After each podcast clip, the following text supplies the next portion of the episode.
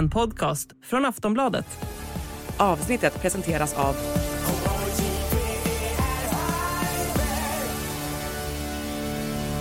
Stödlinjen.se, åldersgräns 18 år.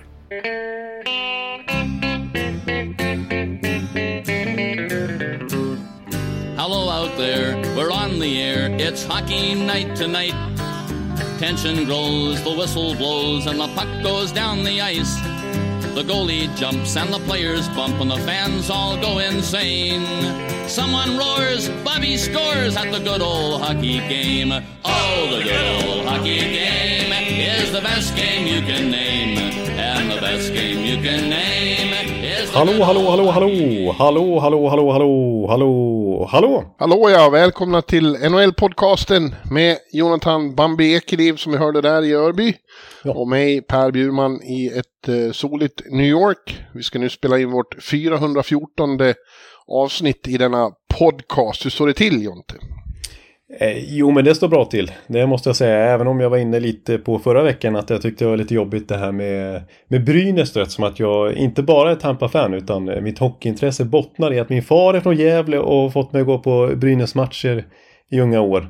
Eh, och eh, ja, ni vet ju vad som hände där förra veckan. Ja, ja det var ju ett trauma. Det var, det var, jag höll på att säga tråkigt och det tyckte jag faktiskt lite. Jag, jag sa ju det redan förra veckan att eh, förr i tiden så har jag, har mycket, känner jag mycket brynäsare och har kompisar som är brynäsare. Och deras medlidande när sånt här händer i Leksand på eh, frekvent eh, genom att ha varit begränsat. Men jag känner ändå ingen skadeglädje. Jag tycker, det är, jag tycker det är lite tråkigt faktiskt. Brynäs har varit i högsta serien hela mitt liv och längre än så.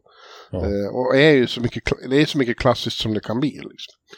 Eh, Så det var lite, och, och, och dessutom känner jag en massa brynäsare här då och, och fick ju göra en grej på, på dem och hur de känner. Liksom. Ja. Eh, Brynäs är ett av de lag som har eh, flest stjärnor här, liksom, som skulle ha, som har exporterat störst profiler och så. Och, och skulle vara ett av de bästa lagen om de kom hem och spelade för de klubbar de, de lämnade. Ja, precis. Eh, Dels är Markström i kassen då och så eh, Silverberg och Järnkrok och det är Bäckström har jag inte ens nämnt då och så Elias Lindholm och Ja, de skulle få ett Lindblom. Och, ja. ruskigt lag. Jag vet inte vilka de har, det är väl Ekholm. Frölunda. Det är väl Frölunda som kanske har ännu större stjärnor och eh, Djurgården i någon mån. Ja, Förr var det ju Modo, men de Modo inte genom tiderna så att säga är svåra att, att rå på. Ja, men just nu är det inte så många. Det är Viktor och, och Adrian Kempe och Viktor Olofsson. Det är inte så jävla dåligt i och för sig. Nej, och, nej, och Linus fortsätter att Ullmark. leverera. Ja, ja Linus Ullmark kan man väl eh, räkna in där också. Men, eh, men Frölunda har ju liksom också eh, en del. Ja, precis. Kvantitet. Ja, kvalitet också skulle jag kvalitet vilja Erik. Karlsson kan vi nämna till exempel. Är väl inte... De skulle ha Erik Karlsson och Rasmus Dahlin som första backpar. Ja, Det nej, men det, det, det, det får Brynäs kämpa två- lite trots allt. Det håller jag med om. Ja. NHLs två kanske bästa backar. Liksom. Ja, det hade kunnat varit ett ämne i sig att gå Ja, igenom vilka moderklubbar Ja. respektive lag har. Ja. Ja. ja, men det ska vi inte göra. Men, men ja, jag förstår att det där var jobbigt. Men sen har du haft mycket på jobbet också. Det har ju den största idrottshändelsen på hela året, kallar du det. När Ja. eh, Dr. Janne och Mr. Hyde, som, som den geniale Leifby kallade det, Just det. förbundskaptenen i fotboll. Eh, det var ju faktiskt episkt att se hans eh, eh, frispel i, i den direktsända intervjun där med, med, med Bojan. Ja, du och jag, vi började ju kolla på gamla Tortorella-klipp och sådär. För att det, det kändes som att det var Janne Tortorella som var i farten. Ja, ja lite så var det. Ja, fast jag har ju tittat på det nu och eh, de här dreven blir så otroligt intensiva. Det skrevs så fruktansvärt mycket artiklar. Ja. Eh, så till slut blir man ju så här, ja, kan det inte finnas lite perspektiv? Alltså det, ha, ha, har man haft John Tortorella i sitt liv i, i 18 år så, så blir man inte så chockad av. Nej. Nej, det, det tog väl lite väl stora proportioner. Även om det såklart var högst anmärkningsvärt. Jag kan säga eh, klickstatistikmässigt så, eh, Ja. så, så jag tror klockan var eh, åtta på morgonen och sånt där när jag kom in på redaktionen. Och då hade det där första knäcket om bråket klickats över en miljon gånger. ja, det, det är rätt bra. Ja, Det är rätt bra. Ja, och det var ju liksom, det, det händer inte så mycket saker som man blir tyst, liksom, man blir stum. För att man vet inte hur man ska, vad man ska säga när man ser Nej, man eller- förstår inte vad som händer liksom. Hur är det här möjligt? Eh, Det man ser i, i livesänd tv. Ja. Ja. ja. Men jag kollar ju igenom, det, det, det finns en video här med The Best of Tortorella liksom. Herregud. Där har vi en kurs som ska in i andra omklädningsrummet Ja. och slåss. Ja, ja, vi, ja. He's gotta calm down. John's gotta calm down, säger kommentatorn. Ja, det, det firar ju tio år den klassiska händelsen nästa, nästa vinter. Då får vi nästan uppmärksamma det i podden. Eh, när, när det klipptes ihop med en klassisk låt där också med Don't Push Me. Som Ja. när, när han skulle in i Calgarys eh, omklädningsrum och börja fightas.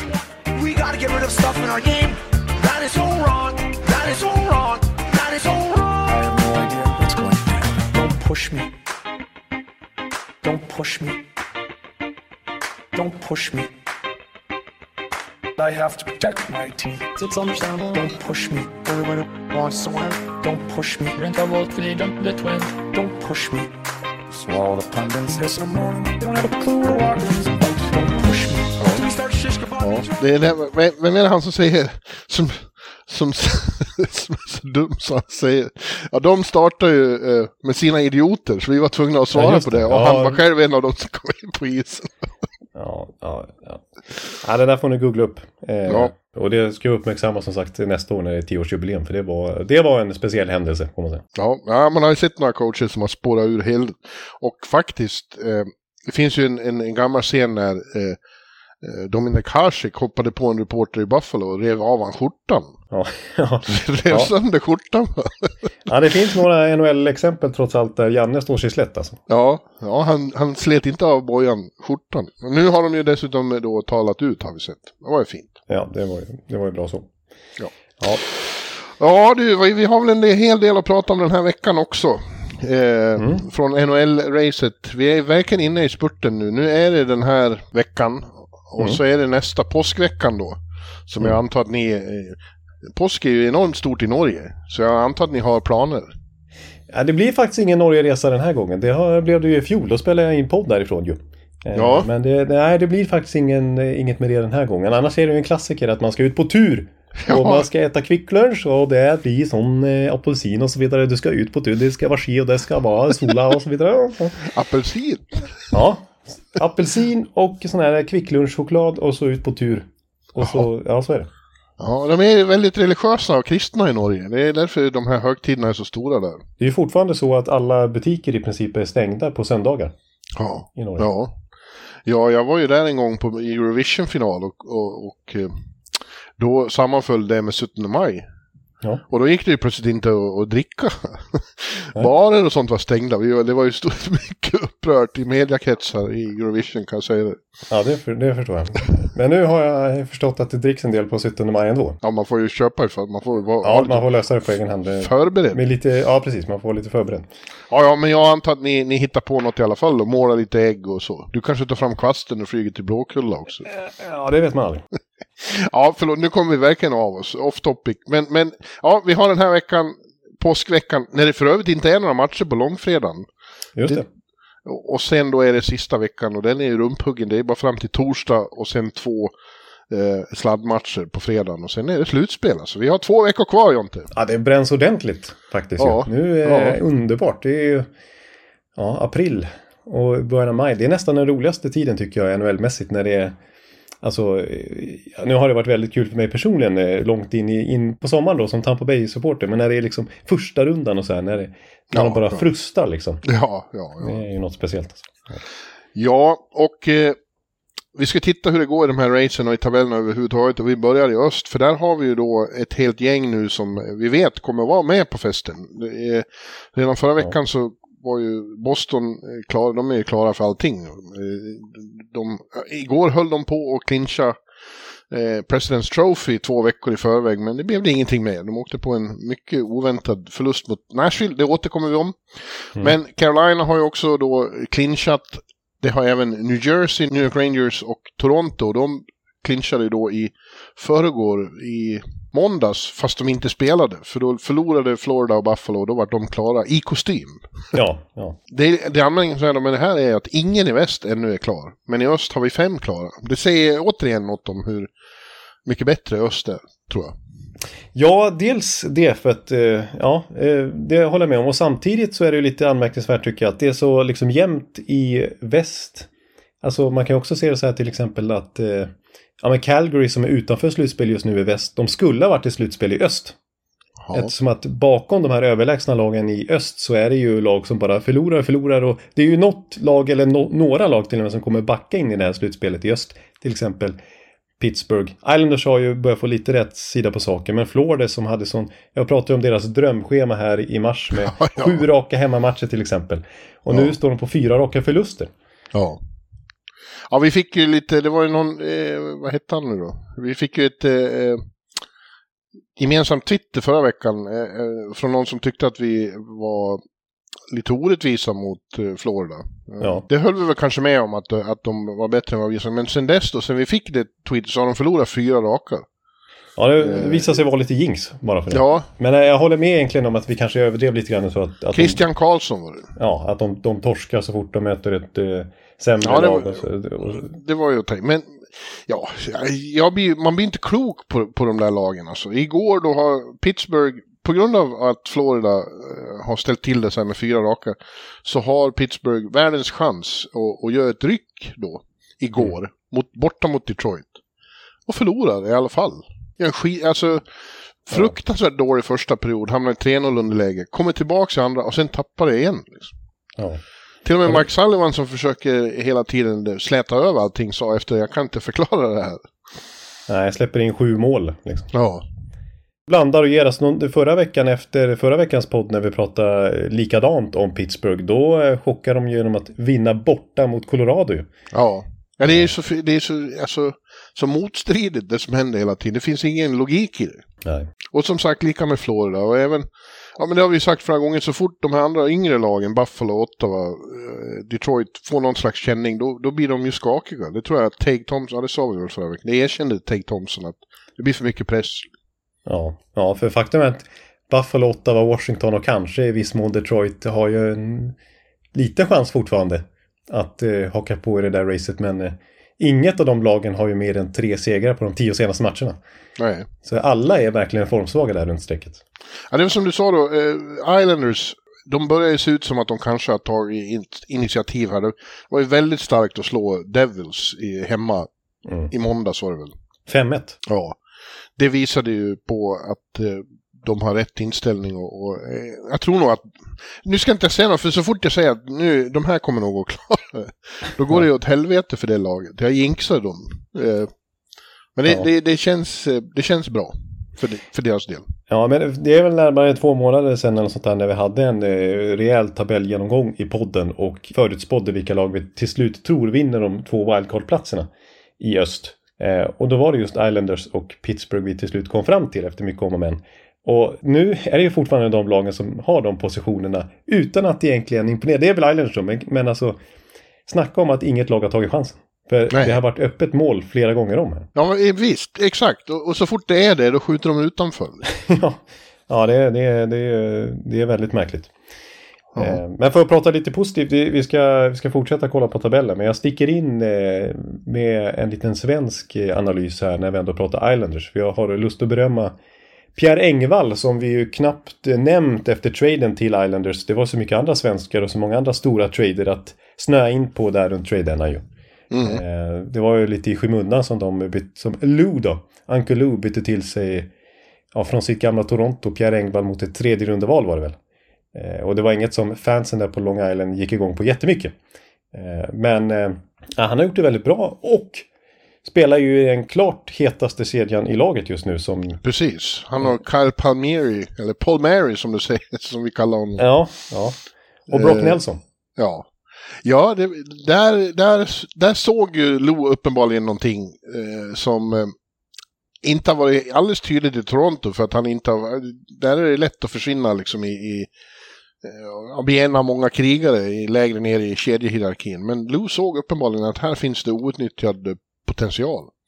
Ja, precis. Alltså den kedjan eh, under den dryga timmen effektiv speltid som de har fått ihop 5 mot 5 så är de 9-1. Alltså 9 mål framåt, 1 bakåt bara. Ja. Och fantastiskt dominanta underliggande siffror. Så att den, den är stekhet och är de som driver Islanders just nu i första hand. Och, och här i den Devils-matchen vi nämnde så låg ju de bakom alla de tre första målen som grundlade den segern.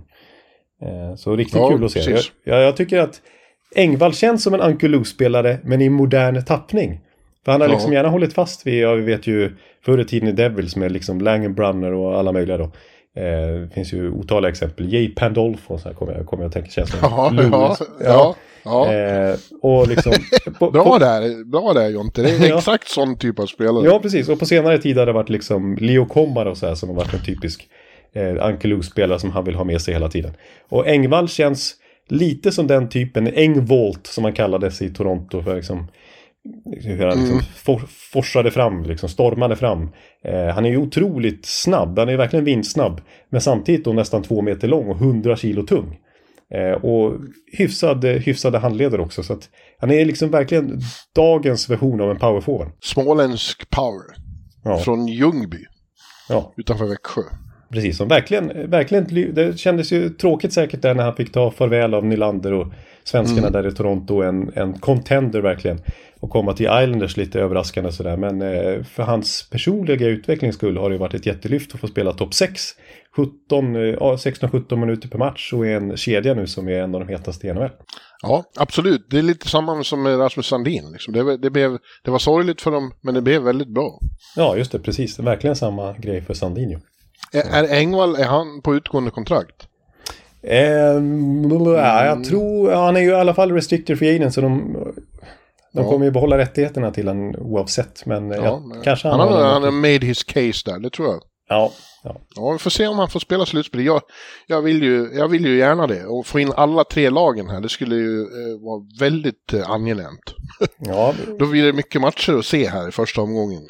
Ja, jag tror ändå, ändå med Islanders slutspelserfarenhet har ingen press på sig alls. Eh, och om de får tillbaks Barzell, jag vet faktiskt inte riktigt statsen där. Eh, Kanske en liten, liten wildcard att vinna någon runda trots allt. Fast det är klart, de, de, de ställs ju mot tuffast möjliga motstånd direkt ju. Att, Ja, de skulle, som det är nu då, skulle ju de få eh, Carolina. ja. Men det låter faktiskt inte omöjligt. Boston skulle vara så svårt tror jag, men Carolina eh, går att rubba i slutspel, det vet vi. Precis, och de har ju verkligen press på sig. För nu, Ja.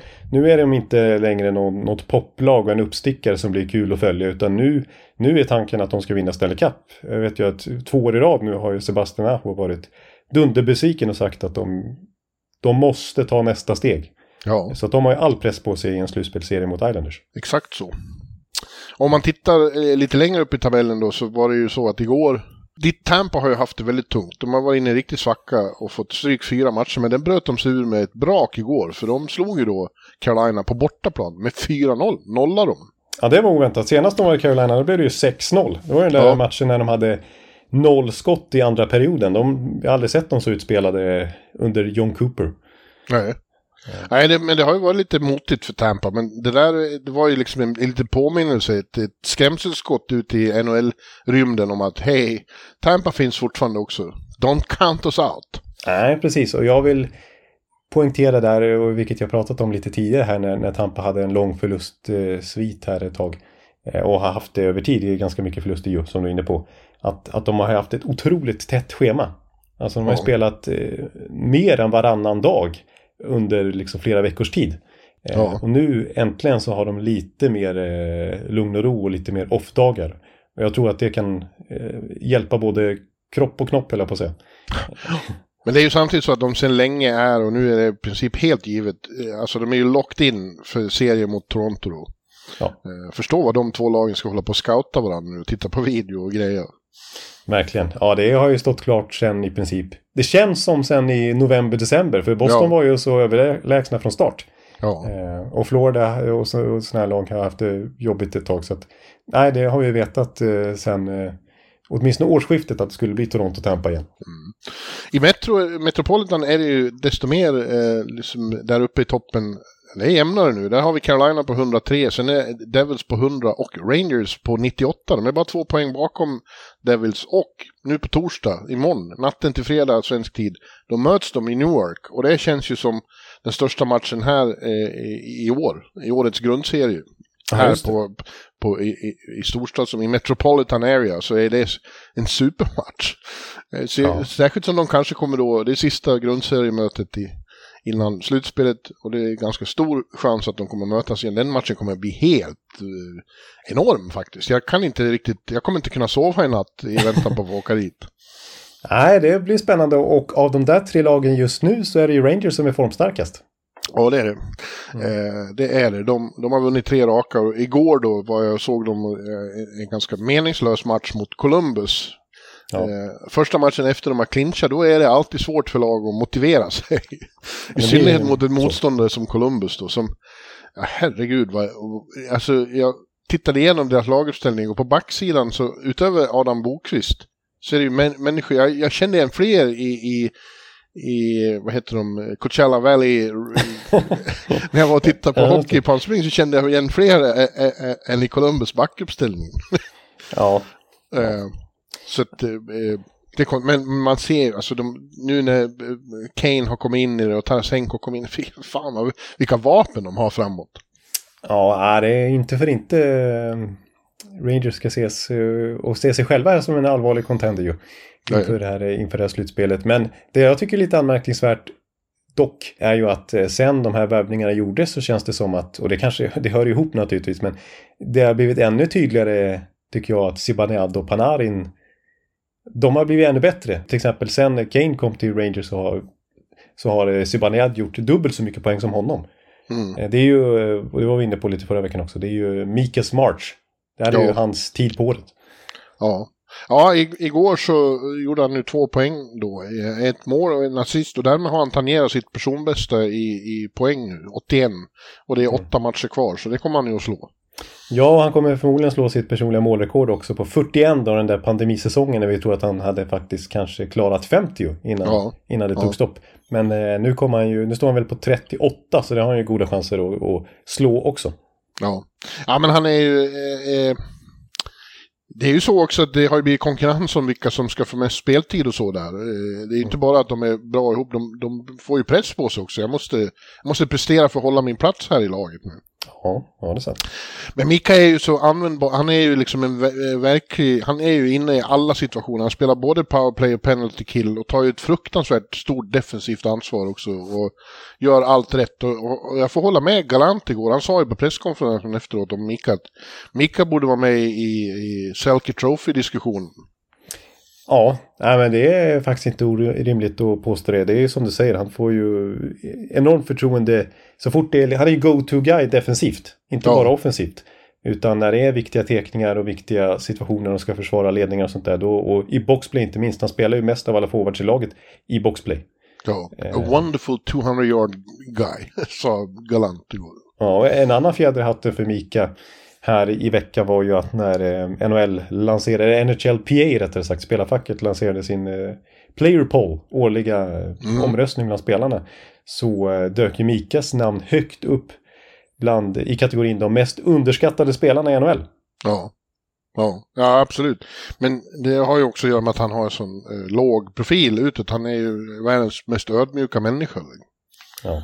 Han tar ju inte för sig på det sättet. Samtidigt som han har en pondus och är ett lugnt och fint självförtroende. Liksom. Ja. ja, jag tycker han ska vara kapten i det där laget egentligen. Nu ja, blev ju Troba, men... Mm. Ja, men han är ett slags i, i, eh, vad heter det, inofficiell kapten ändå. Ja. ja. ja. hur som helst, den där matchen imorgon, den, den, alltså du borde flyga över imorgon. ja, jag, jag, får, jag, får, jag får lösa det på något sätt. Ja. Jag får ta den där kvasten jag ska använda på påsk. Exakt. Och, och använda en vecka i för, förväg. Ja. Istället för Blåkulla så kom hit. Ja, ja, vi får se. Jag ska försöka. Ja, men om vi flyttar över till väst då. Så har det ju, där har det ju ett, det är inte länge sedan det kändes som att Calgary och Nashville, de är helt avsågade nu. Det, det kommer, de kommer inte att klara det här. Ja. Men nu har det tajtat till sig riktigt ordentligt där kring strecket. För att, eh, framförallt då för att Winnipeg är så jävla formsvaga. Ja, det är lite märkligt ändå att, att de har sådana problem. De, de var ju till skillnad från Calgary och Nashville så är de rätt aktiva vid deadline. Ja. Eh, tog in till exempel eh, Nino Niederreiter. Så att eh, de går ju för det på ett annat sätt eh, uttalat från klubbledningshåll. Ja. Men eh, nej, de har varit väldigt formsvaga en, en ganska lång tid nu. Ja, och det var ju så att det här förvandlades, framförallt igår kväll, så förvandlades det här till ett riktigt drama kring strecket där då. För att då skrällde som sagt, Nashville skrällde ju borta mot Boston. Det hade ju ingen... Nej, det är precis. Vilket är helt otroligt, därför att de har ju så otroligt dels så tradade de ju bort saker som, som, som signalerade att nu struntar i den här säsongen. Mm. Det var Ekholm dit och det var, var eh, Giano dit och det var, eh, vad heter han? Niederreiter just. Niederreiter dit och, så, och, och Ekholm och, och Filip är skadad och Duchene är skadad och, och fan hans moster är skadad. Johansson har varit borta och Jules Ja. har varit borta eh, bland annat. Ja, och ändå åker de till Boston och vinner. Nu var ju Boston lite eh, slaka då för en gångs skull. Eh, men i alla fall. Och Calgary slår eh, LA Kings hemma mycket starkt fast de fick tre mål, mål bortdömda. Det är ganska unikt. Ja. Och Markström var lysande. Och samtidigt då så lyckas Winnipeg med konststycket att bli nollade borta mot jumbon San Jose.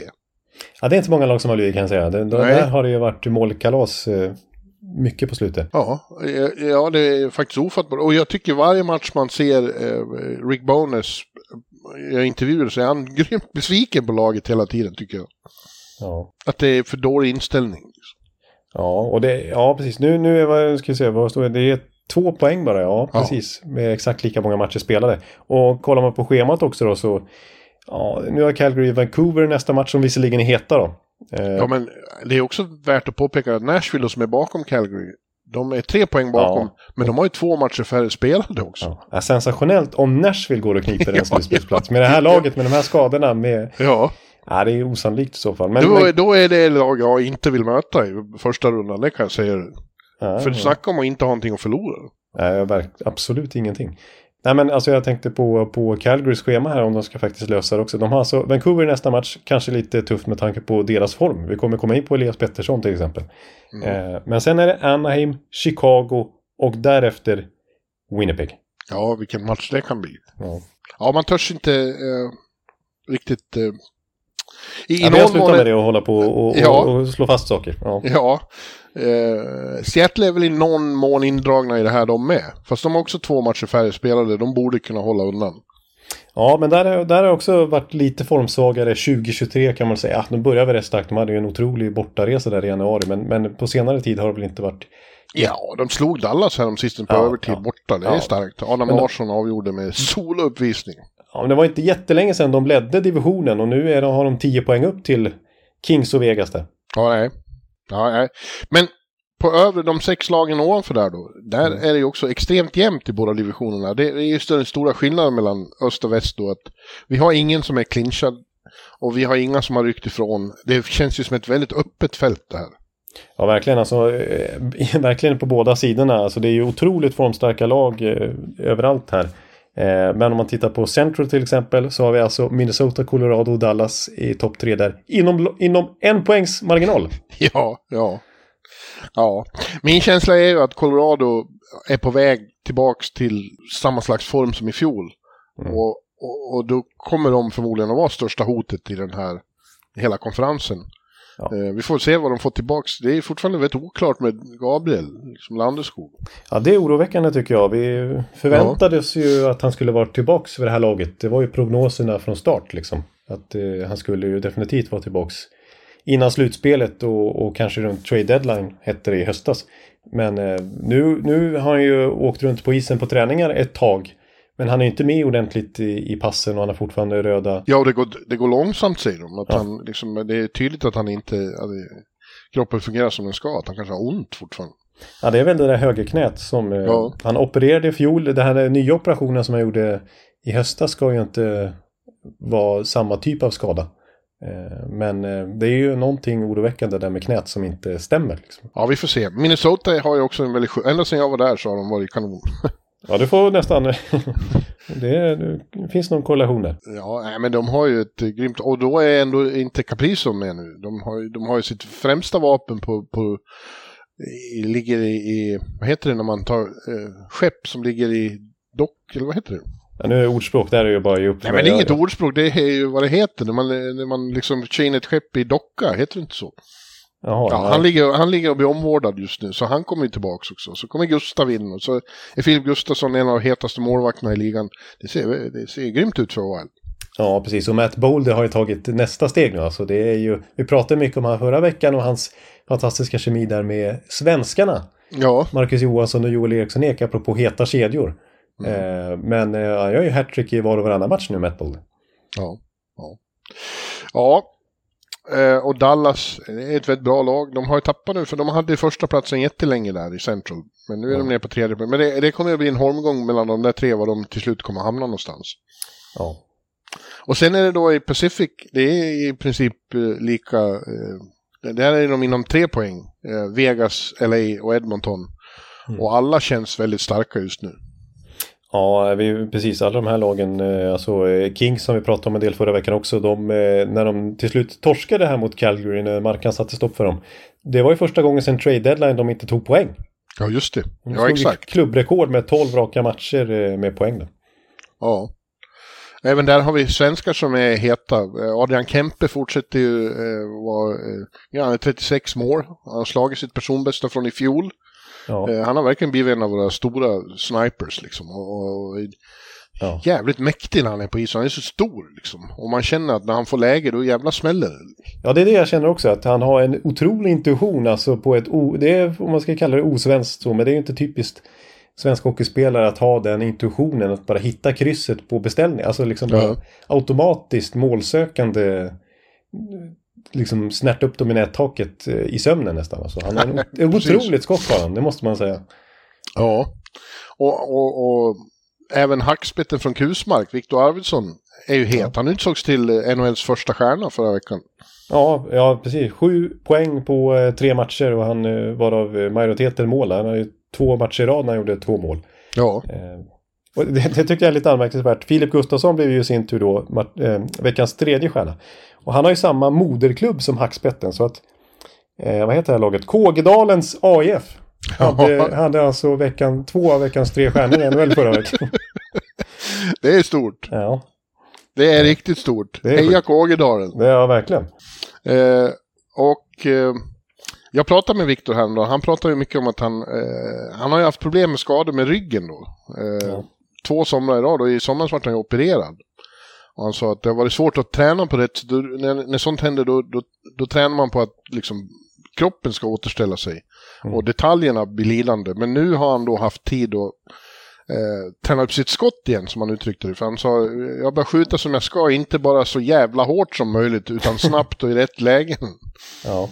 Och han är ju, han är ju en rätt vass målskytt. Han är lite streaky sådär, men när han väl har liksom, eh, när, när han har självförtroende som man verk- verkligen ser på typen av mål han gör nu.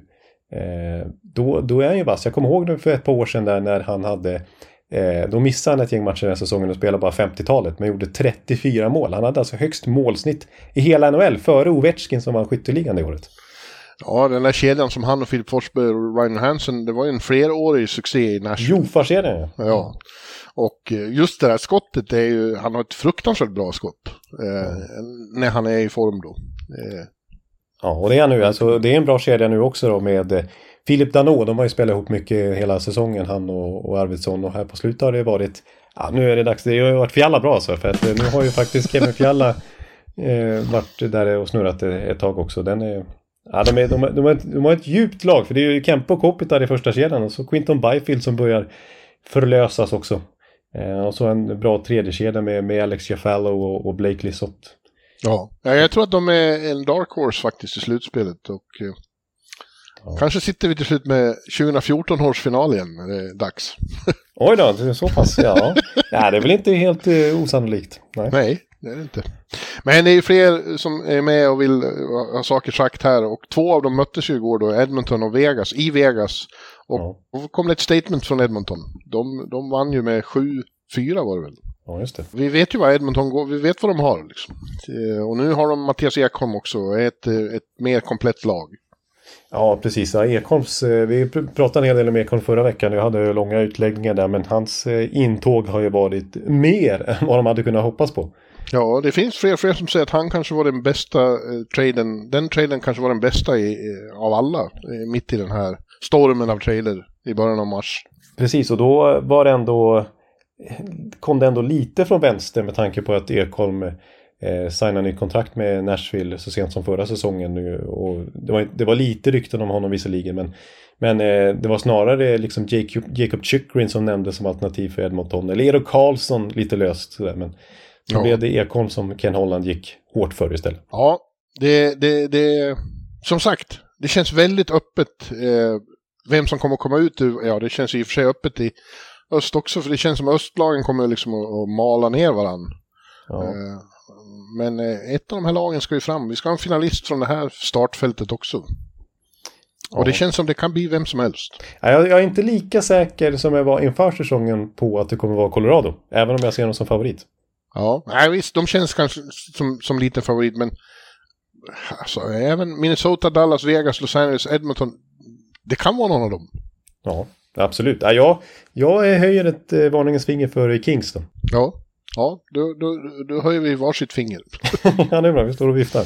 Ja. Det är bra. Men du, vi kan titta på lite enskilda spelare också här som utmärker sig som inte har så direkt påverkan på, ja det har väl några av dem, men, men eh, Vancouver är ju borta. Men där håller ju Elias Pettersson på och, och, och gör något som ingen svensk har gjort på 12 år. Mm. Eh, han är på väg mot 100 poäng. Alltså då, han gjorde eh, två, en, han står på 95 nu och det är eh, åtta matcher kvar. Så det är ju högst sannolikt att Elias blir den första sen Daniel Sedin och nå 100 poäng. Ja, verkligen. Han är ju fullkomligt stekhet just nu, Elias Ja. Pettersson. Eh, I ett Vancouver som jag vill säga, under Rick Tocket här, går bra. Nu är det ju liksom speciella... eh, Ja, det går Om- inte tillräckligt bra, men de, de har ju stagat upp saker och ting. Det, det, är inget, det, det är ingen folkstorm där längre över hur de spelar. Ja, men faktum är så här att sen Tocket tog över, då började det lite knaggligt då också, men nu har de ju varit väldigt formstarka, inte minst här i mars. Och räknar vi sen den 22 januari när Boudreau fick sparken och Tocket tog över, då har de faktiskt tagit tionde flest poäng i NHL. Och är nästan i kapp poängtotalen på 25 matcher under Tocket som eh, eh, Boudreau tog på 46 matcher. Ja. Ja, Jag, jag kan också nämna då Pettersson, alltså sen den, jag trodde, jag var lite rädd för att eh, det skulle vara negativt för Pettersson med Tocket som coach. Alltså, han har ju fått stämpel som defensivt inriktad. Och, och i, Arizona, liksom, när de gick till slutspel ett år där under Tocket så gjorde de ju minst antal mål av alla slutspelslag. Och de hade ingen spelare i närheten av point per game och sådär. Och det var snack om att han skulle minim, liksom, att han skulle ta bort Pettersson från boxplay till exempel och, och spela honom mindre. Men tvärtom, alltså han, han, han har höjt sitt istid per match snitt med en minut under Tocket. Han fortsätter spela boxplay. Han är ännu mer dominant framåt faktiskt. Eh, alltså sen det datumet så är det bara McKinnon, McDavid och Dreisaitl som har gjort mer poäng i NHL än vad Elias Pettersson har gjort. ja, han är en superstar.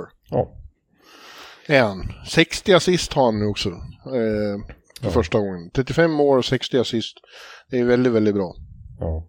Applåder till Elias och eh, jubel för er i Sverige om han kommer hem och spelar VM. Och, och det, det får vi väl hoppas. Jag skulle tro att Sam Hallam får hem honom. Det är ju hans kille. ja det är ju hans kille, ja, det tänkte jag inte på. Just det, gamla eh, Växjö-connectionen Ja. där. Eh, Ja. Verkligen. Och kanske får han också, också hem tvåan i poängligan, svenska poängligan. Det är ju Erik då. Ja. Karlsson som gjorde en ny poäng nu. Han, han står på 91 och det har ju varit snack om att han ska bli den första backen på 30 år och nå 100 poäng. Det är, blir ju lite svårt. Det är åtta poäng, åtta matcher kvar och nio poäng behöver han göra. Det är, det är tufft. ja.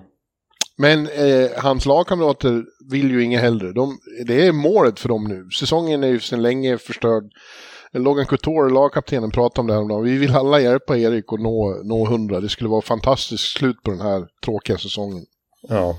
ja, det är väl det de har att spela för. Samtidigt tror jag att Greer och de här eh, struntar lite i det och hoppas att de ska... Ja, Greer, ja, men, men spelarna sa jag. Ja, ja precis. Nej, men att de, ska, att de ska förbättra sina chanser till, eh, till eh, Connor Bedard. Men absolut, det vore ju otroligt coolt om Erik når, når Ja. 100. Alltså det, då är det verkligen historiskt. Ja. Och kanske få, tänk om de får hem Erik, Elias och Rasmus Dahlin till VM-truppen. Då har de typ, ja det är ju tre av de fem, bästa svenskarna i NHL får, får vi hem i VM-truppen i så fall. Ja, det kan bli ett ruskigt VM-lag alltså. Om Ja. de här ställer upp. Eh, och det finns ju så här, eh, Elias Lindholm om Calgary missar Markström. Det finns ju, det, kan, det, är, det är många faktiskt eh, framstående svenskar den här säsongen som kan bli VM-aktuella redan Ja. från start. Ja, det vore ju jävligt spännande. Ja, och Hallams första turnering och, liksom mycket.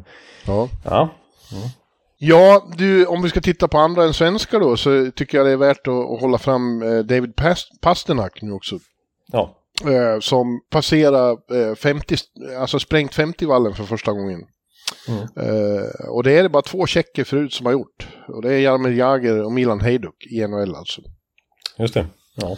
Eh, och, så de som trodde att ja, men om de ger honom för stort kontrakt då kanske han slappnar av och så, så har det verkligen inte varit.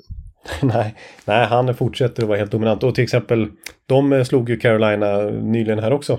Boston. Eh, och det var utan Bergeron, det var utan Marchand. Det var utan Ja. Hampus Lindholm. Ja, Men då kliver man fram igen, David Pasternak och gör två mål och ligger bakom den segern. Liksom. ja, Och det var ju Ja. samma sak i, i höstas där när vi snackade ner Boston och trodde att eh, det, kan det vara på gärdsgården att de eh, ens går till slutspel med alla de här skadorna från start. Liksom. det, det, får vill man- vi inte påminna det vill om. man ju Det- bittert, eh, ja precis, det är bittert att erkänna det. Det ska, skulle jag inte ha dragit upp.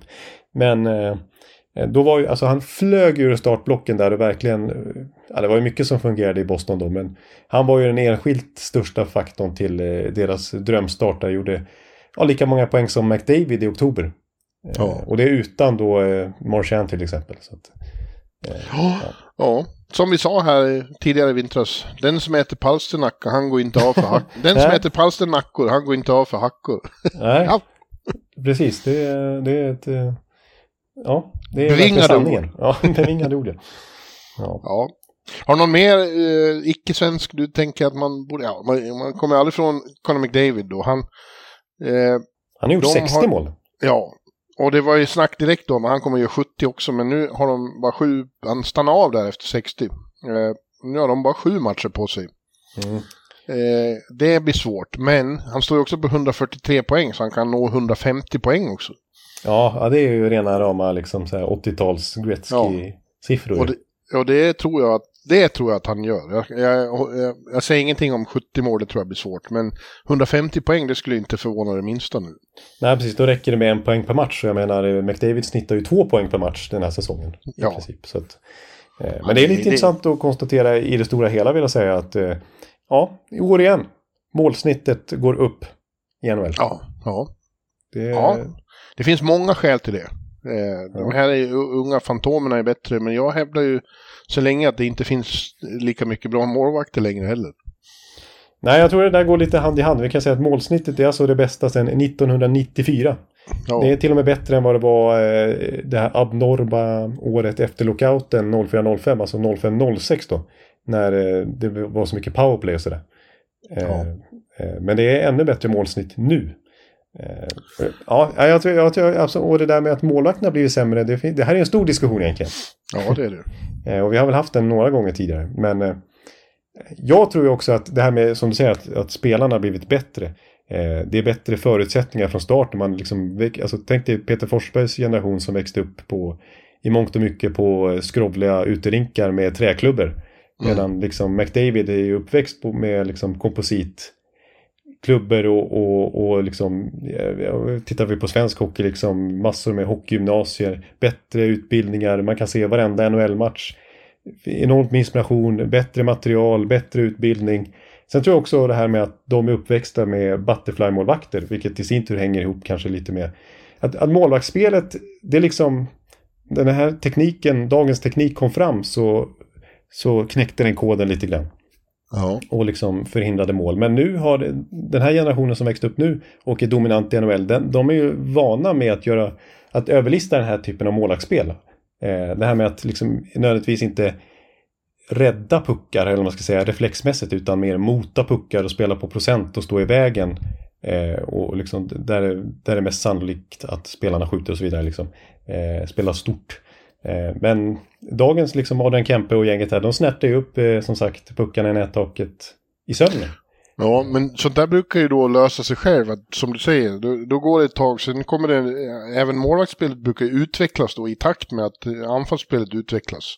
Ja. Men det har inte riktigt hänt, upplever jag det som. Nej, jag tror att eh, där måste målvaktsspelet i, i det stora, liksom, med stora penseldrag där, det måste ses över lite grann. Det måste hända någonting där för att eh, återigen inte, inte tappa, för det är ju naturligt såklart då att räddningsprocenten har gått ner successivt år för år. En hel procentenhet de senaste sju åren eh, Ja. totalt sett i NHL.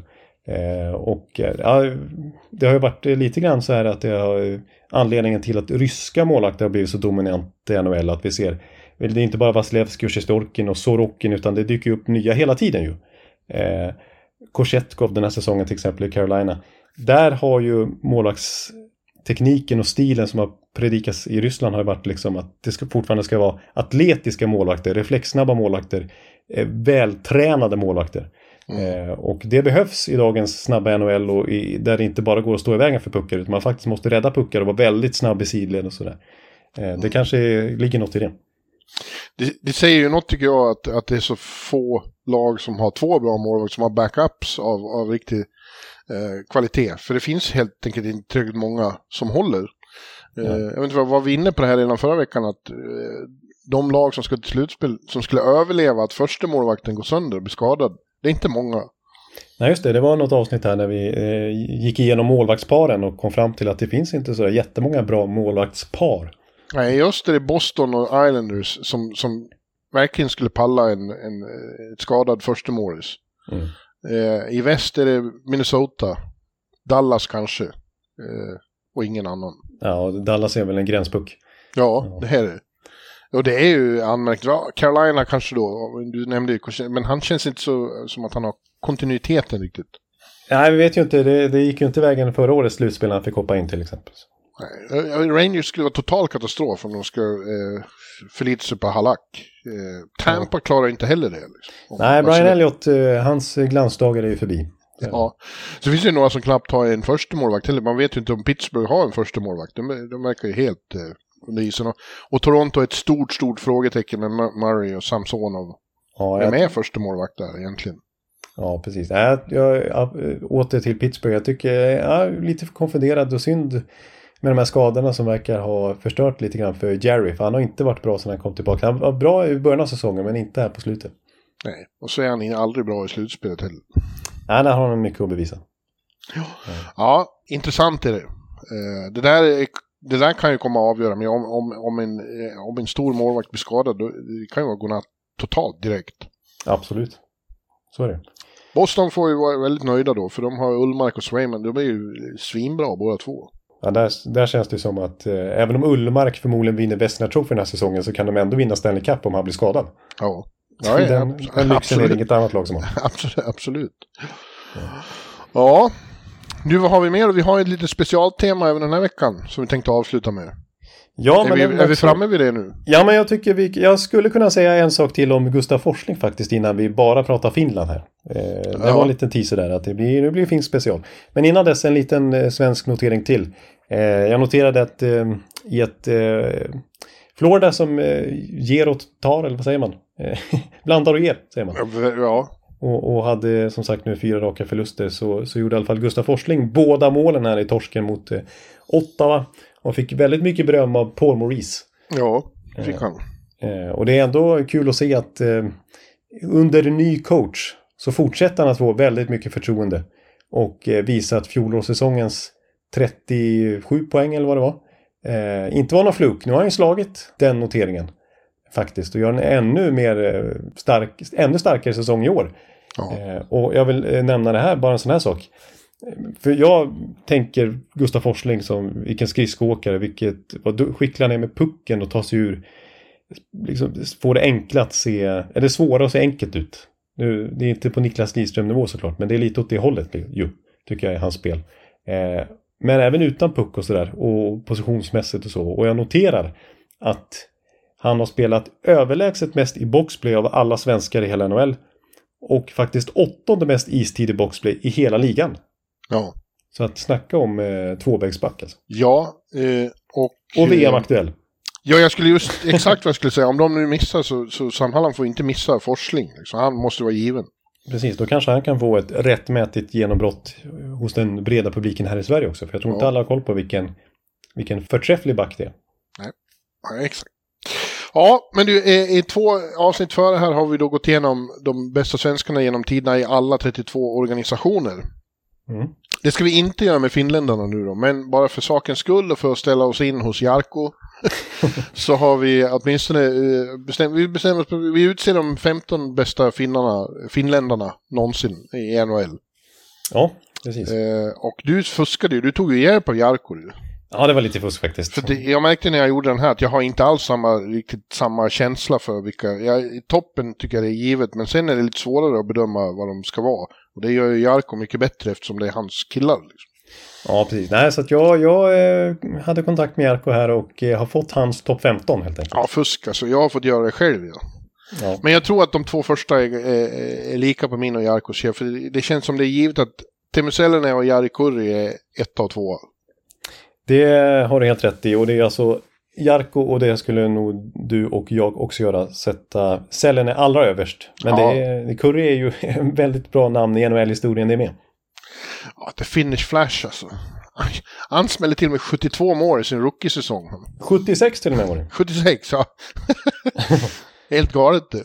Ja, det var ju, det lyckades han aldrig toppa därefter. 132 poäng var det väl dessutom. Alltså det var ju, snacka om att kliva in i NHL med ett brak alltså. 76 mål under sin rookie-säsong. Det, det är ju rekord och det är ett rekord som eh, naturligtvis står sig än idag. Det är från tidigt 90-tal och det kommer nog aldrig att slås. Jag menar. McDavid försöker nå 70 mål den här säsongen, men 76 mål som rookie. Ja. Ja. Ja, människan spelade 1451 matcher och har över 1457 i, i poäng, alltså ö- över en poäng i snitt över, över 1400 matcher. Ja, det, det, det är otroligt. Och ja, det är ju flest matcher i, i finsk hockey i NHL. Det är flest mål och det är flest assist. Och, nej, flest poäng i alla fall. Ja, f- först assist hade då tvåan, Jari Ja, Kurri. ja. Han spelade ju, han var ju liksom eh, radarpartner till Wayne Gretzky. Mm. Då, då är man rätt bra liksom. Den, den rollen får inte vem som helst. Nej, och han fick ju senare följa med till Kings också för att Gretzky ville ha med han Ja, där sen också. ja. Grym kille har jag förstått av Varpo Chivonen som älskar när Jari Kurri kommer hit. Ja, ja. Och han har den... Eh, han har inte mest poäng i, i NHL. Det har ju Selene som sagt av finska spelare. Men han har den bästa säsongen. Han har ju, gjorde ju 135 poäng en säsong. Så det är ju ett rekord. Ja. Ja, men bakom de här två då så har jag kommit på att jag har mest tagit fav- personliga favoriter. Men låt höra eh, trean, fyran, femman på Jarkos lista. Mm, och då vill jag först nämna då att eh, det här tycker Jarko är givet att det- här ska vara Ja. topp 5. Sen, Ja. sen tyckte han att det var väldigt godtyckligt 6 till 15 vilka som helst ska vara med där och i vilken ordning. Men här är hans topp 5 då. Det är alltså Selene och Curry 1, 2. Sen Saku Koivu 3. Kimmo Timonen 4. Och då Reijo Ruotsalainen 5. Ja. ja, det var ju intressant. Mm. Eh, jag har också Kimmo Timonen och eh, Saku Koivu där, men sen eh, vill jag klämma in Mika Kiprosov och Esa Tikkanen också. Jag tycker Esa Tikkanen är ju en super, superhjälte på så många sätt. Ja, han kommer lite längre ner här på, på Jarkos lista kan jag säga. Eh, Ja, Reijo Ruotsalainen var ju en helt sanslöst bra back. Han spelade ju även i Sverige ett tag. ja, Eh, HV va? Ja, exakt. Och, och så, så fruktansvärt elegant och skicklig back. Så jävla smart som man, man, man var helt eh, tagen av honom.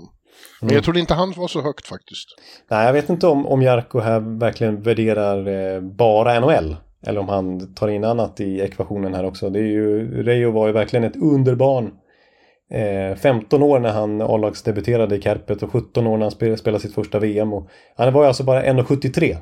Ja. Eh, Jarko kallar honom för dåtidens Erik Karlsson. Ja, ja, Eh, men, nu- ja men det är absolut. För han var ju så otroligt skicklig, och, eh, dels skridskoåkningen men också så han var liksom, han spelade ju alltid med äldre killar från att han var eh, liten knodd. Och liksom lärde sig verkligen hur han skulle skrina ur sådana situationer och, och parera tacklingar och sådär. Hade ju ett, ett spelsinne på Erik Karlsson-nivå i princip. Eh, så att, och han, hade ju, han har ju liksom, det var ju på 80-talet framförallt då, i New York Rangers. Som han liksom, sen har- vann han ju dubbla Stanley Cups också med Edmonton då. Eh, där eh, på slutet av 80-talet, början av 90-talet. Men han av liksom, om vi ser till finska, alltså han, har, ju verkligen en stark NHL-tid också, det måste man poängtera. Eh, av de tio poängmässigt starkaste finska backsäsongerna så står Reijo för fem av dem. Och de, inklusive då de tre bästa. Ja. Så att, eh, Ja, jag, jag, jag, jag börjar med absolut för det. Det fanns ju en annan back, stor, stor finsk back var ju Kari Eloranta, men han gjorde aldrig så stort avtryck i NHL faktiskt. Han spelade inte så många säsonger, utan det var ju framförallt i, i dåvarande elitserien i Sverige han var fullständigt dominant. ja. Eh, Ja, Så Reijo, Reijo och Kari, där kan man prata första backpar. ja. Nej, men eh, en annan back då som eh, var med här för, för oss båda på topp 5, det är ju Kimmo Timonen. Ja, ja, ja, absolut. Han är Finlands, Finlands Niklas Lidström. Ja, precis. Och han rankas alltså högst här eh, av eh, Jarko också på fjärde plats. Eh, 1100 matcher då. Extremt stabil, som du säger. Niklas Lidström, eh, den finske Niklas Lidström.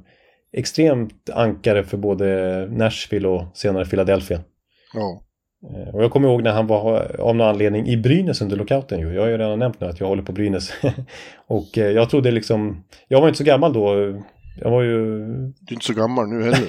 nej men jag var väl, nej det är sant. Jag var väl 13, eh, 13-14 år då. Och liksom var imponerad av Tommy Sjödin. Men så kom Kimmo Timonen och då förstod jag att, jaha, Det finns en nivå till. Sjödin är inte så bra som jag trodde. Eh, nej, han var otroligt bra. Eh, fick ju till slut avsluta med en Stanley Cup. Också i Chicago, då fick han ju dock inte spela någonting. För att då ansågs ju... Ja, det var ju verkligen inte... Det var ju förbi hans peak så att säga. Mm. Eh, men det var ju ändå vackert att eh, Jonathan Taves direkt lämnade över bucklan till Timonen först av alla. För det var ju han som Ja. förtjänade mest. ja.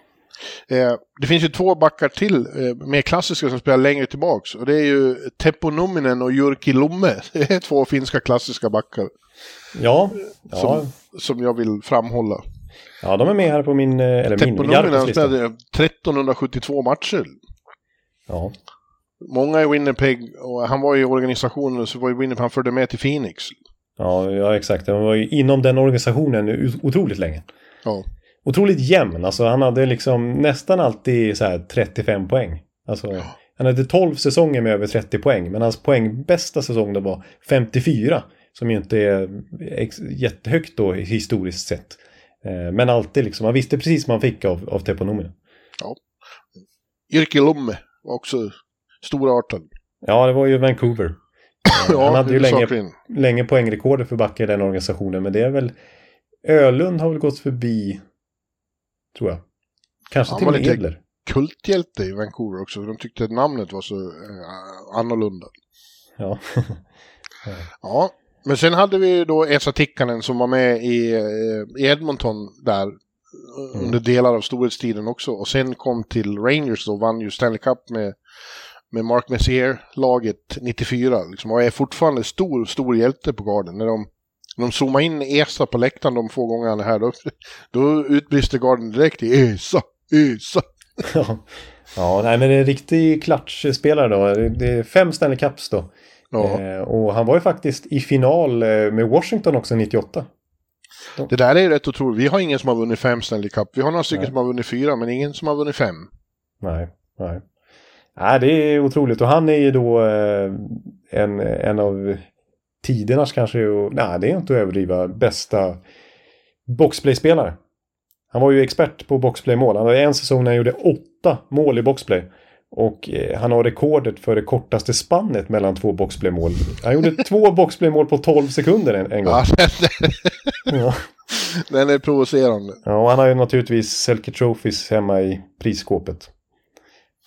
Men vad gäller målvakterna då? Det hette ju längre att, att, att finska målvaktsundret pratade om. Och jag, jag eh, tar fram tre stycken som jag tycker kan vara med på en sån här lista. Och det är Kiprosov, och det är Pekarinne och det är Tukarask. Eh, Hur man ska, hur man ska eh, ranka dem vet jag inte riktigt. Men jag känner, det känns som Kiprosov, eh, ja, ja, Pekarinne var ju också, han är den som har spelat mest matcher och har bäst stats. Nybliven staty har han ju fått. Ja, också. ja. Eh, och båda två har ju gått till final, precis som Tuka, och förlorat finalen. Alla tre har precis har varit i final som starter och sen torskat. Eh, Rask var väl med redan när Boston vann 2011, men då var det ju Tim Thomas. Ja. ja, ja. Alla har ju vunnit Vesna Trophy. Gå, för, eh, få höra resten av Jarkos lista, det är den som är värd Ja, vi, vi kan prata om dem, om, dem, eh, om dem sen då, lite mer. Men jag, jag river av hela listan då. Mm. Eh, ni hörde topp 5. Sällen Curry, Sakko Koivu, Kimmo Timonen, Reijo Ruotsalainen. Sen har vi då på sjätte plats Jere Lehtinen. Oj, oj. Mm. På sjunde plats Alexander Barkov. Mm. På åttonde plats Teppo Numminen. På nionde plats första målvakten Mika Kiprusov. Ja. På tionde plats din eh, favorit där, Esa Tikkanen. Mm. På elfte plats Mikko Koivu. På tolfte plats Tu. På trettonde plats Sebastian Aho. Jaha. På 14 plats, Mikko Rantanen. Jag skulle just fråga vem som ska rankas högst av de två. Ja. Fick du svar på det? Ja, ja, jag skulle nog nästan hålla Rantanen före. Men Ja, jag, jag, med, går efter Som har vunnit Stanley Cup också. Ja, på, och så på sista man att få plats. Eh, han har ju några eh, vad säger man, bubblar också. Men på 15 plats sätter han ju då Pekka inne. Mm. Ja, Jyrki Lomme får inte vara med. Han hamnar utanför och inte ens Patrik Laine vet du som ju är den stora favoriten hos Jarkko liksom. Ja, men han har inte levt upp till förväntningarna. Nej, Så är det bara. nej. Så är det. Hur låter din... eh, din eh, Ja, äh, nej, jag, den är ungefär likadan, men jag, vi, vi struntar i min. Vi, vi, Okej. Jag tycker det är Jarkos lista som gäller. Jag fick ju in... Eh, det var Lehtinen jag he, helt glömde faktiskt. Men han ska väl vara med då. Ja, men han, han var väl sin generations åtminstone bästa defensiva forward. Alltså den, den varianten av eh, Patrice Bergeron. Han har faktiskt näst flest nomineringar till Selke efter Bergeron. Ja, Eh, och han har vunnit tre, nominerad sex. ja det är ju enormt imponerande. Ja, precis. Och han eh, vann ju Stanley Cup med Dallas.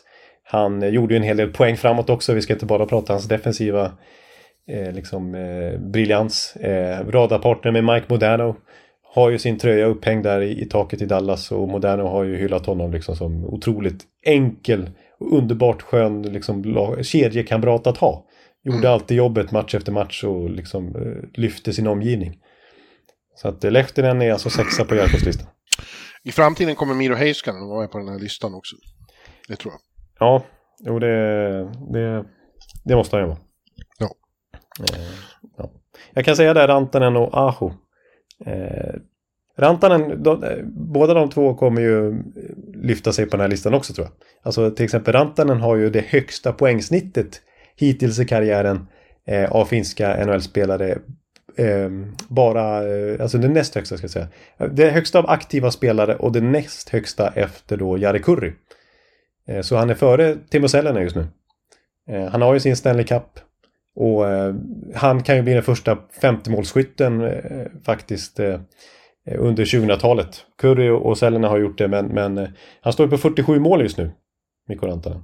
Ja. Och eh, ja, jag fick ju verkligen dra ett enormt last där i november, december när det var som mest skador den här säsongen i, i Colorado. Han hade alltså några matcher när han spelade 29 minuter.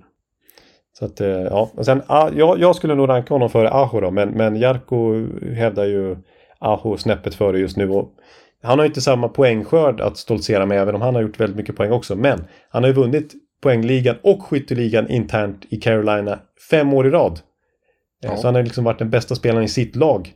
I, i Ja. det lag som har tagit tredje flest poäng i hela NHL under den perioden. Så att, Men Mikko Rantanen har vunnit Stanley Cup. Ja. Och var väldigt, väldigt viktig för det. Stanley Cup-laget. Ja. Ja. Hör du, nu är vi klara. Vet du vad som inte hände idag? Jag gick ju inte och hämtade kaffe en enda gång. Ja, det var ju Skandal. nästan sensationellt skulle jag säga. Ja. Det har bara hänt eh, så här, kanske sju gånger i poddens historia. Ja. Ja. ja. Jag ska dricka det nu istället, för som du hör, jag har fått något i halsen när jag hostar. Ja, jag, jag, jag förstår. Då är det dags för eh, kaffe. Ja. Eh, jag kan eh, nämna några bubblare bara utan motivering kanske på, som, som Jarko ville ha nämnda åtminstone. Eh, Olli Jokinen, Mm. eh, Jyrki Lumbe som du sa, Sami Kappanen. Eh, han är en, en spelare som inte hyllas idag precis. Mikael Granlund, han fick ju ännu en sån här stenhård sågning från Josh Johi i Pittsburgh. När han sa “Massive disappointment, nothing in, in his game is impressive”. Stenhård. Ja. Ja, men det är ju egentligen en väldigt bra spelare om vi kollar på hans NHL-karriär. Eh, Laine vill han ju ändå nämna. Jussi Jokinen. Valtteri Filppula med över 1000 NHL-matcher och Stanley Cup-titlar. Eh, en liten eh, dark horse från 80-talet. Pekka Rautakallio som gjorde väldigt mycket poäng. ja, det var oväntat. Ja, Ja, men du Jonte, jag fick lite bråttom här av ett skäl. jaha, okej. Ja, men då, då säger vi tack och adjö för den här veckan då. Så, Ja, så återkommer vi med näst sista grundserieavsnittet eh, nästa vecka. ja, då, är- Påskveckan. då är det dessutom ny månad. Så jag föreslår redan nu att eh, vi ska utse, eh, vi ska ge våra NHL Awards här för hela säsongen då. Ja, spännande. Eh, Ja, ja, men det blir kul. Ja, men då, då hörs vi allihopa nästa vecka och så säger vi tack och adjö för denna gång. Hej då! Hej hej! Hallå, hallå, hallå. Hallå, hallå, hallå. Alex Chiazot, Joe Luis Arena och Esposito. Esposito. Uttalsproblem, men vi tjötar ändå. Och alla kan vara lugna, inspelningsknappen är på. Bjuder Hanna Kohl, han är grym i sin roll. Från korrespondenten har han fullständig kontroll på det som händer och sker. Det blir ju allt fler som rattar in hans blogg. Och lyssna på hans podd. One, two, punch, speed, so Hallå, hallå, hallå. One, two, punch, speed, so Hallå, hallå, hallå. Ekeliv, som är ung och har driv.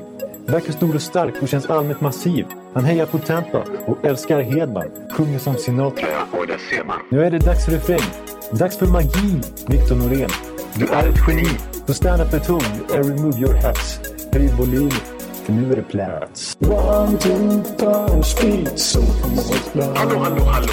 One, two, punch, speed, so Hallå, hallå, hallå. One, two, punch, speed, so Hallå, hallå, hallå. One, two, punch, speed, so Hallå, hallå, hallå. Det är otroligt länge sedan båda samtidigt var så här bra. Hallå, hallå, hallå. Det är otroligt länge sedan båda samtidigt var så här bra.